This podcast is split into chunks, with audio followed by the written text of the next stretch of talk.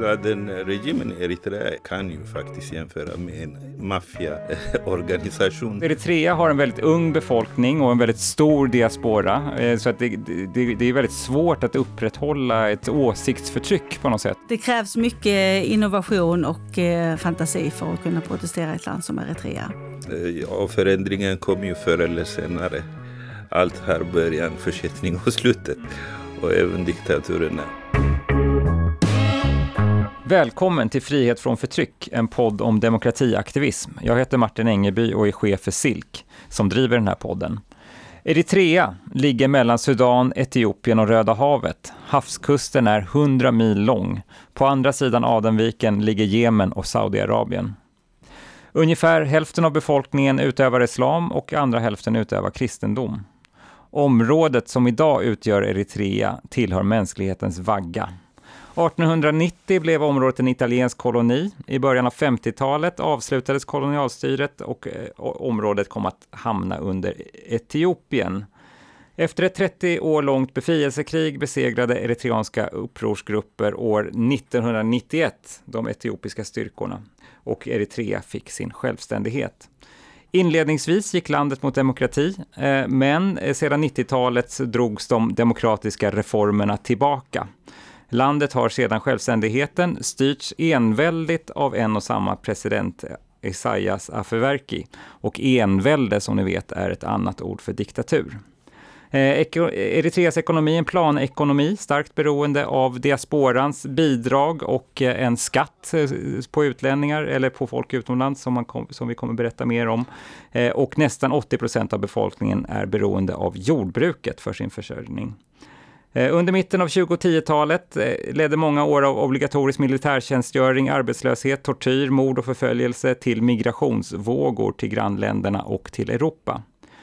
Mer än 60 000 människor i Sverige har ursprung i Eritrea. En av dem är här med oss. Tedros Emanuel som arbetar som läkare i Uppsala och du är också ordförande i svensk-eritreanska föreningen för demokrati och mänskliga rättigheter i Uppsala. Hjärtligt välkommen Tedros. Tack, tack så mycket. Eh, och med oss här idag eh, har vi också Åsa Nilsson Söderström som handlägger Eritrea-projekten hos SILK. Välkommen Åsa. Tack Martin. Vi börjar med, med dig Tedros. Eh, kan du bara berätta kort, hur engagerar du dig för att det ska bli mer frihet i Eritrea? Ja, det är väl en lång fråga. Redan när Eritrea blev självständig så fanns ju tecken på att utvecklingen kommer inte att gå åt rätt håll. Det är samma människor som har styrt landet, i, som styr landet idag som har styrt befrielserörelsen och dessa människor är utbildade i Kina under Mao Zedongs eh, kulturrevolution. Mm. När eh, Eritrea blev självständig så började de arrestera en grupp muslimer på 300. Och under, de anklagade dem för att vara fundamentalister. Men de har aldrig varit på rättegång. Ingen har anklagat dem någonstans. Och sen dess har de inte synts. Och sen några år senare när, eh, när eh, gamla invalida eh, och handikappade soldater protesterade, veteraner protesterade med krav på att få de pengarna som samlades på deras, på deras namn. Regimens svar var att, att avrätta dem. Mm. Och det här var bara några år efter, efter eh, Eritrea blev självständig. Mm. Och sen eh, tog sig inte många år där det blev krig mot samtliga mm. länder runt omkring. Mot eh, Jemen, mot eh, Djibouti, mot Sudan och senare vid ett par tillfällen mot Etiopien. Så utvecklingen har konsekvent gått åt negativa hållet. Och så är det i den stora händelsen efter i, i slutet av 90-talet med arresteringar av många.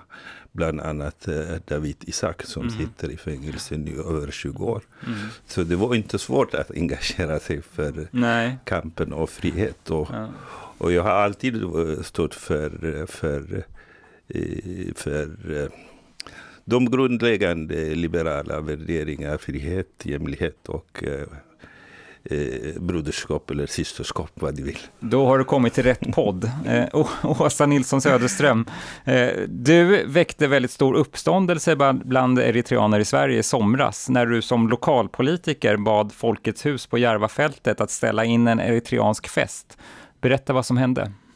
Ja, eh, under många år så har det ju ordnats en, en fest på Järvafältet där den eritreanska diktaturen samlar in pengar helt enkelt till sin verksamhet, till sina krig. Och det, man samlar pengarna på ett ganska trevligt sätt kan man tycka. Det, det ordnas en fest, många människor kommer dit för att ha en trevlig stund med landsmän och lyssna på eritreansk musik och åka karusell med barnen.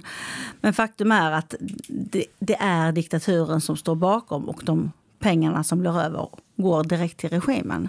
Och Stockholms stad har ju väldigt tydliga demokratikriterier i sina, sina riktlinjer för vem som får hyra olika lokaler. Och då så tyckte jag att de där riktlinjerna har inte respekterats här och eh, skrev ett öppet brev helt enkelt till Järva Folkets hus som faktiskt backade. Så det var positivt. Däremot så kunde ju festivalen ändå genomföras eftersom den, mycket av den är utomhus. Just det, just det. Så man ska skriva ett, ett öppet brev så får man som man vill. Ja, men ja, så blir det ju inte alltid. Men det blir också ganska mycket respons från eh, från diktaturkramare och även en man som heter Awel Said som kallar sig poet men egentligen är den största propagandisten som, från regimen som skickas runt i Europa för att ja, propagera för diktatur. Mm. Eh, och det, det, är ju lite, det är intressant att det här är ett väldigt litet land men man är ändå väldigt närvarande utomlands och, och man pratar då om en, en skatt på 2% som alla eritreaner på ett eller annat sätt ska tvingas betala in till den eritreanska staten. Kan du Tedros berätta mer om den här skatten och hur går, hur går det här till? Ja, det går till att det, det här är inte skatt bara på de som är eritreanska medborgare. Det är också på skatt på de som är svenska medborgare men som har eh, något anknytning till Eritrea. Till exempel om de har egendom i Eritrea eller annat eh, som de vill ha uträttat. Och den här skatten går på att alla som bor i Sverige till exempel betalar 2 av, av sina årsinkomst och de visar eh, skattedeklaration från skattemyndigheten. Mm. Och det är bruttolönen, så det är enorma pengar det handlar om. Mm. Eh, Naturligtvis finns det de som inte betalar som jag. Mm. Men då har man inga, inga rättigheter i Eritrea. Mm. Och eh, man måste ju tänka att eh, en fjärdedel av Eritreas befolkning har flytt landet. Mm. Och det är ungefär en miljon människor som har flytt eh, Eritrea. Mm. Och många av dem bor ju i närliggande arabländer som Saudiarabien, Dubai. De betalar betydligt mer skatt än mm. de här två procent. Och då kan man göra bara en enkel räkning. Om varje person betalar ungefär 200 kronor i skatt, det inkomsten regeringen driver är 200 miljoner kronor. Så det är enorma, enorma summor. Men det här är utpressning, det är ju kriminellt. Hur kommer det sig att det här kan fortsätta? Det är svårt för många eh, man kan ju, om man är som jag eller många som bor utomlands och vägrar, vägrar betala, de, de behöver inte betala. Mm. Så länge du har någon anknytning med, med, med hemlandet, med Eritrea, om du vill åka dit och besöka dina gamla föräldrar, mm. om du har egendom, du, har, du måste välja göra ett val. Mm. Och eh, svenska eh, myndigheter har varit rätt lamma att, att uh, sätta press på Eritrea när det gäller skatt. Mm. För eh, det regimen och dess anhängare säger att det ska, detta skatt är frivilligt. Ja, just det. Ja, och det är till och med så att de svenska myndigheterna har system som gör att man i, stort sett knuffar asylsökande eritreaner i armarna på regimen. För att om, om man ska söka asyl i Sverige så behöver man kunna visa sin identitet. Och då säger jag Migrationsverket, ja men gå och skaffa ett identitetskort på eritreanska ambassaden. Mm. Och när man som asylsökande kommer dit så får man sitt ID-kort mm. om man betalar 2 skatten. Just det. Inte annars. Ja, stämmer. Och sen, det är väl också så att man drar in ganska mycket pengar på att eh, använda felaktiga växelkurser när eritreaner skickar hem pengar. Jo, hela den regimen i Eritrea är ju, kan ju faktiskt jämföra med en maffia organisation. Mm. De har alltid gjort eh, sysselsatt med illegala verksamheter. De kontrollerar ekonomin helt och hållet. Så det, är, det stämmer eh, som Åsa säger. Att, eh, och sen är det ju det här fester som de arrangerar här som delvis används som någon slags eh, jippo propagandajippo för att visa hur stor, hur bred eh, stödet till regimen är bland exileritreaner och så användes det också sändes på bästa sändningstid i Eritrea för att visa att den här, är, den här regimen har till och med stöd från de som har flytt landet. Mm. Mm. Ja, Åsa, du har drivit flera projekt för att främja demokrati och mänskliga rättigheter i Eritrea. Eh, berätta hur man kan arbeta utifrån med ett sånt här slutet och till och med kriminellt land. Det är ganska svårt. Jag menar nog att som svensk organisation så är det enda sättet att göra det på ett effektivt och bra sätt att jobba ihop med diasporan, med den demokratiska delen av diasporan. Och den eritreanska diasporan tycker jag är väldigt välorganiserad. Det finns grupper som sänder tv in i landet via, via satellit. Det finns grupper som sänder radio. Det finns också ett fåtal människor inne i landet som vågar jobba till exempel med att sätta upp eh, eh, sådana man kallar affischtidningar eller protestera på andra sätt. Jag tror att för ett par år sedan hade man en eh, protest som gick ut på att alla skulle stå stilla på gatan. Bara, bara alla stannade helt plötsligt för att visa liksom någonting. För det kan man ju inte gärna bli fängslad för, för att man står stilla. Men eh, det krävs mycket, mycket innovation och eh, fantasi för att kunna protestera i ett land som Eritrea. Ja. Eh, Tedros, man kan inte låta bli att nämna David Isaac som du också gjorde i inledningen här. Eh, hur viktigt är det för eritreaner i Sverige, alltså i det här fallet och eh, hur viktigt är det att svenska organisationer och svenska regeringen och liksom verkligen engagerar sig i den här frågan? Det är absolut viktigt. Det är en individ det handlar om. Mm.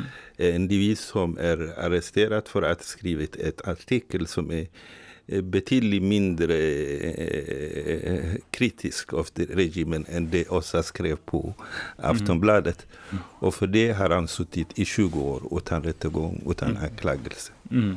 Det är en kamp mellan David och Goliat. Jag tycker det är väldigt viktigt att alla engagerar mm. och stödjer mm. den här kampen. Ja. Och David är bara en symbol. Det är tusentals eritreaner. Mm. Enorma, tusentals eritreaner som sitter i fängelse. Mm. Utan rättegång, utan, utan, utan uh, man ens vet att de lever. Och det är också sätt som regimen gör eh, när de arresterar folk. De vill att de ska uh, tas bort. Det ska uh, inte finnas. Ingen ska komma ihåg dem. Mm. Och det är det de gör nu. De försöker att även, även Sverige ska glömma bort. Och de som sitter i, där i Eritrea, det värsta de vet är när folk glömmer dem. Mm. Så vi ska aldrig glömma Nej. Och vi ska engagera det så, så mycket det går. Ja. Finns, finns det en risk då, när det finns ett hårt tryck på den svenska regeringen att de ska få loss Dawit Isaak från fångenskapen, att den svenska regeringen av den anledningen låter bli att kritisera Eritrea så mycket som man borde göra och låter bli att stödja demokraterna i Eritrea så mycket som man borde göra just för att försöka få loss den här personen. Det är mycket möjligt, men eh, det, är, eh, det diktatoriska regim alltid gör, mm. det är att, eh, att säga till de som kritiserar regimen, om ni kritiserar oss, ni gör det bara svårare för den som sitter i fängelse. Mm. Så de håller den som sitter i fängelse som gisslan. Mm. Det är mycket möjligt att Sverige har eh, tänkt så med den här tyst diplomati, men det, det, löser inte problemet. Det kommer mm. aldrig att, eh, att låta David fri, för han är symbol för alla som sitter i fängelse. Ja. Det enda sättet att få fritt alla fångar i Eritrea, det tror jag är att byta regim. Ja. Mm. Eh, Åsa, om man vill lära sig mer om Eritrea, vad ska man då göra? Ja, dels finns det en dokumentär som ligger på SVT nu som är intressant. Eh, som visar hur fruktansvärda de eritreanska fängelserna är. Men Silk har också gett ut en bok som heter Eritrea gränslöst land. Den kom 2015 men den är fortfarande aktuell handlar eh, inte bara om David Isak, som många, mycket i den svenska diskussionen handlar om. Utan den här boken handlar också om eh, flyktingar som kommer till Sverige, vad de får utstå och det handlar om eh, ja, spännande kopplingar mellan Sverige och eh, Eritrea. Och eh, författaren Paul Frigges åkte ju också till Asmara, så det finns en del skildringar inifrån landet också. Just det. Ja. Ja, jag har träffat på många som jobbar till exempel med flyktingar och sånt där som är väldigt intresserade av att läsa den här boken för att ja, då, man vill ju veta någonting om de människor som man, som man träffar varje dag. Har du läst boken Tedros? Nej, tyvärr inte, men jag ska läsa den. Du, du får med dig en kopia. Du ska få det ett ex såklart. Ja, eh, Tedros Eritrea har en väldigt ung befolkning och en väldigt stor diaspora, eh, så att det, det, det är väldigt svårt att upprätthålla ett åsiktsförtryck på något sätt för att Eh, för att eh, alltså, människor får impulser. Så hur länge kan man, kan man egentligen hålla i en sån här diktatur? Det är svårt att säga, men eh, det är precis som du säger, kanske 85 procent av befolkningen är under 25. Mm. De som är i alla fall över 60 år, i min ålder, är ungefär 3-4 procent. Så mm. det är mm. väldigt ung befolkning och det är Eh, med dagens eh, moderna eh, samhälle med internet och kommunikation. Så jag tror inte de har de kan behålla åsiktsförtryck under mycket längre tid. Mm. Frågan är dock när diktaturerna faller, det har vi sett i många länder. De skapar kaos och ordning bakom sig. Det. Och det är det som är stora risken i Eritrea. Där där eh, det finns motsättningar inom eh, folket. Det, finns, det har skett grova kränkningar av mänskliga rättigheter och ansvarsfrågor har inte diskuterats än. Mm. Så det är, risken är att det, det blir en samhällssönderfall. Eh, eh, annars tror jag inte diktaturerna kommer att fortsätta så länge. Nej. Det där känns ju jätteviktigt. Dels som du har pratat om tidigare när vi har pratat om att man behöver någon slags försoningskommission. Men också en eh, människor som är beredda att ta över. Vi brukar säga att det blir ingen demokrati utan demokrater mm, vid makten. Ja, ja. Så det känns jätteviktigt att, ni, att oppositionen i diasporan faktiskt formerar sig. Kanske i politiska partier, skapar mm. ett eh, externt, eh, en extern regering kanske. Mm. Mm. Ja, eh, det är mycket som är svårt i Eritrea, men finns det någonting som ger dig hopp, Tedros? Eh, ja, förändringen kommer ju förr eller senare. Allt har början, försättning och slutet. Mm. Och även diktaturerna. Så förändringen kommer, men vad kan vi göra härifrån? Det som Åsa säger, att uh, arbeta aktivt för att skapa de här förutsättningarna för demokrati och mänskliga rättigheter. Uh, en av dem är att stödja till exempel de här uh, de här um, satellittelevision mm. som sänds i, Eritrea som Asena TV och det du blev intervjuad. Erisat. Erisat. Så mm. det är en, en, ett sätt att, att främja demokrati och mänskliga rättigheter. Mm. Det andra är att, att ha någon slags utbildning i Sverige. Mm. Eh, försöka skapa förutsättningar för framtiden. Mm, just det, det var, jag tänkte säga att eh, ofta om, om Sverige ger bistånd till väldigt många länder Eh, Eh, och eh, när, när, när, när det då är väl i, när det är diktatur i landet och förtryck och så vidare, så då kallar man ofta på nu ska vi dra tillbaka biståndet. Eh, men i det här fallet så handlar det ju, det, vi har ju ingenting emot den eritreanska befolkningen.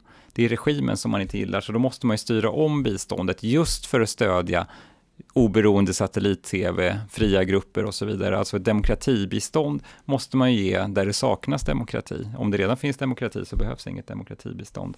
Eh, Åsa, eh, vad ger dig hopp? Nu har du haft väldigt mycket kontakt med den eritreanska oppositionen, eh, de eritreanska demokraterna. Hur, hur känns tycker, det? Jo, men jag om man jämför med för ett par år sedan så är det, tror jag att det är en betydligt större del av den eritreanska diasporan som börjar inse hur fruktansvärt systemet är i Eritrea. Och det finns fler och fler demokrater som är villiga att jobba för mm. demokrati. Mm. Och eh, jag tror att det verkar finnas en enighet om att det här med pengarna är ett stort problem. Så att om man kan strypa tillförseln av pengar till Eritrea och till diktaturen i Eritrea framförallt så kan man nog också svälta ut dem till slut och kanske bli av med dem. Men som Tedros sa, det viktigaste är också att man har en plan efter att diktatorn har fallit. För kaos är inte bättre än diktatur. Ofta. Det är ju så att eh, regimen, dess förtryck gör ju att många flyr landet. Och det är också så många av oss här hjälper folk att komma hit. Mm. Och eh, om alla flyr eh, från Eritrea då är ju förhoppningen väldigt lite om, om en positiv förändring. Framförallt mm. de som kan åstadkomma eh, positiva förändringar. Så eh, det är viktigt att EU tänker, eh, inte bara Sverige, men hela EU tänker på hur eh, viktigt det är att skapa, inte bara demokrati, men bättre ekonomiska förutsättningar i dessa länder. Mm. Så det kan bli en, folk kan stanna, leva och leva fritt i sina egna länder. Det var bra slutord. Tack till både Åsa och Tedros för att ni ville vara med idag. Du har lyssnat på Frihet från förtryck, en podd om demokratiaktivism och biståndspolitik. Vi är SILK, Svenskt internationellt liberalt centrum, och vi arbetar med demokratibistånd, fria val och utvecklingsdebatt.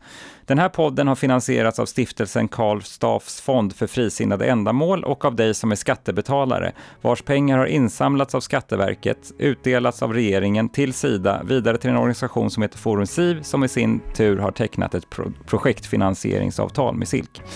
Klippning och teknik Gustav Edman. Följ oss på Facebook, hitta fler avsnitt på silk.se podd och kom ihåg, utan demokrater blir det ingen demokrati.